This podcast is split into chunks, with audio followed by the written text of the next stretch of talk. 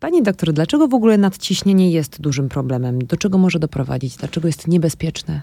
Y, powiem tak, jest to e, jeden z e, czynników ryzyka zawału mięśnia serca, czyli e, choroby ostrej. Niestety bardzo zbierającej żniwo. Czyli pierwsze bezpośrednie zagrożenie życia i miażdżyca. Miażdżyca jako proces przewlekły, która kończy się właśnie zawałem mięśnia serca. To jest jedno. Drugie, udar mózgu.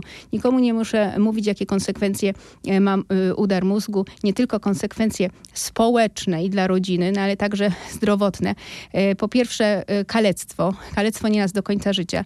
No oczywiście nieraz również śmierć.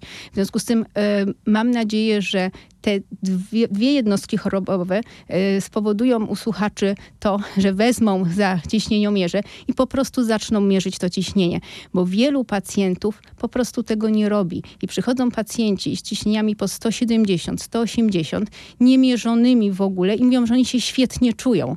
Natomiast nie myślą o konsekwencjach nieloczonego nadciśnienia. Co więcej, u takich pacjentów wyrównanie tego ciśnienia do prawidłowych wartości poniżej 140 na 90 nieraz napotyka dużą trudność. Co więcej, jak my obniżamy, oni się diametralnie źle czują. W związku z tym e, warto e, wcześniej mierzyć, szczególnie jeśli mamy predyspozycje do tego genetyczne, mama, tata, rodzeństwo chorują. Po prostu wiedzieć, że się ma. Jak się już mamy tą wiedzę, to naprawdę można to wspaniale leczyć.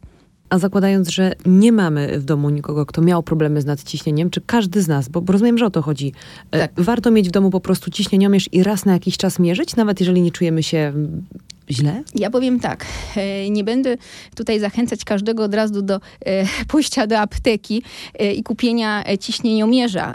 Natomiast chodzi o to, że jeśli mamy nawet 30 lat, to w czasie wizyty po zwolnienie lekarskie, zwykłym przeziębieniem u lekarza pierwszego kontaktu, powinniśmy mieć zmierzone ciśnienie, y, poprosić o ten pomiar. Jeżeli by już tam było źle, to mamy pierwszą zagwozdkę do tego, o, może powinienem częściej mierzyć. Chodzi mi o uchwytność tego procesu.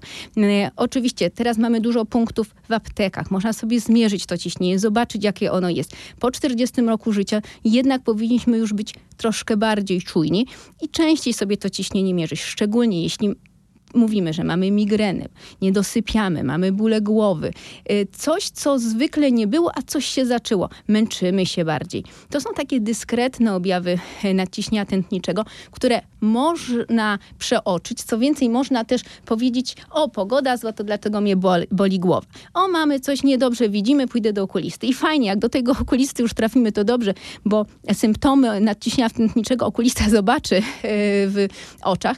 Natomiast nie chodzi o screening, bo ten screening jest bardzo istotny. Screening lekarz pierwszego kontaktu, screening własny, czyli e, tak jak się samo badamy w ginekologii, tak i takie samo badanie możemy wykonać właśnie jeśli chodzi o nadciśnienie e, tętnicze. E, do tego mocno zachęcam. Powiedziała pani doktor o objawach, które powinny nas lekko zaniepokoić albo sprawić, że zmierzymy ciśnienie, wybierzemy się do mm, lekarza. Jeżeli ktoś już ma stwierdzone nadciśnienie, jak wygląda życie? Leki? Coś jeszcze? Jak, jak e, wygląda tak, funkcjonowanie? E, życie wygląda tak samo jak e, bez nadciśnienia. W sensie takim, do, żeby mnie ktoś źle nie zrozumiał. Dobrze leczone nadciśnienie nie boli, nic się nie dzieje.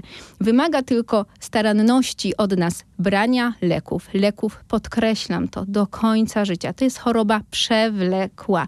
Bardzo często zdarza się, że pacjenci świetnie się poczują, minęły bóle głowy, wszystko minęło i po roku, dwa odstawiają leki, bądź zażywają co drugi dzień. E, I nagle się dziwią, że SOR, pogotowie 200 ciśnia. Jest to jednostka przewlekła, raz rozpoznana, konsekwencją jest leczenie przewlekłe do końca życia. Oczywiście zdarzają się przypadki, tutaj nie generalizujmy, kiedy my możemy zmniejszyć mm, terapię nadciśnienia tętniczego. Ja teraz mówię globalnie o nadciśnieniu samoistnym. No, kiedy na przykład coś od siebie damy. Mieliśmy BMI powyżej 40, czyli bar otyłość olbrzymią, albo y, zredukowaliśmy masę, czy też własnymi sposobami dietetycznymi, bądź przez jakieś zabiegi operacyjne, to wtedy to ciśnienie będzie mniejsze i wtedy my lekarze musimy odpowiednio zmodyfikować leczenie, a nawet w ogóle y, są przypadki, że trzeba odstawić, bo to ciśnienie wraca do normy, ale to musi być pod kontrolą lekarską. E, chciałabym, żeby słuchacze zapamiętali, że nadciśnienie generalnie jest chorobą przewlekłą, codziennie tabletka, ta, którą, czy tabletki, ta, te, które zapisze lekarz. No i nie ma tutaj wyjątków po prostu. Jeśli są źle, źle mm, dopasowane, w sensie takim, że na przykład e, jest bardzo ciepło na polu e, i to ciśnienie nam spada, to trzeba przyjść do tego lekarza pierwszego kontaktu i powiedzieć, upał tak reaguje od lat na upał, to modyfikacja dawki ewentualnie. Ale no, my musimy być e, świadomi swojej choroby, wiedzieć, jakie leki zażywamy, wiedzieć, co nas może spotkać, jeśli tych leków nie będziemy zażywać. E, oczywiście my jako lekarze chętnie służymy pomocą, dajemy terapię, informujemy, ale clue to pacjent, e, jego motywacja, do, jego motywacja do brania leków e, i też świadomość z życia chorobą. E, no mus, musi być pacjent od, odpowiedzialny za siebie. Czyli dyscyplina. Zdecydowanie tak. Często mamy z nią problem. My jako lekarze również. Kawa, jedna, druga mocniejsze, espresso, y, sporty związane ze zmianą na przykład wysokości, ze zmianą ciśnienia, nurkowanie na przykład, to trzeba będzie odstawić? Powiem tak. Na wszystko trzeba znaleźć złoty środek. I to jest podstawa. Y, nieraz, nieraz mamy coś takiego, że zupełnie odstawiam kawę, którą bardzo lubiłam. No, piłam jej 6-7. Oczywiście mocne espresso. No trzeba z czterech na jedną. Jeśli mamy problem na przykład, że y, soliliśmy. My nie patrzymy na ilość soli w pożywieniu, zdecydowanie nie patrzymy na y, etykiety. Powinniśmy jedną łyżeczkę, więc 5 gram. My tego, jak patrzę, to jest gdzieś trzy łyżeczki. Patrzmy na sól. Nieraz modyfikacja faktycznej ilości soli w diecie daje już duże rezultaty. Patrzmy na naszą otyłość, prawda? Zmierzmy sobie to BMI. Jeśli nie potrafimy zmierzyć BMI, poprośmy o, lekarza o to.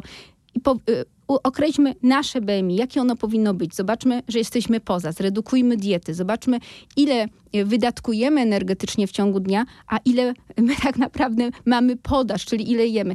Nieraz proste zabiegi, ale jednak wymagające, podkreślam, dyscypliny, pomogą nam w walce z tym nadciśnieniem i niekoniecznie y, zawsze z tych naszych wspaniałej kawy musimy do końca rezygnować zupełnie. Bardzo dziękuję za rozmowę. dziękuję.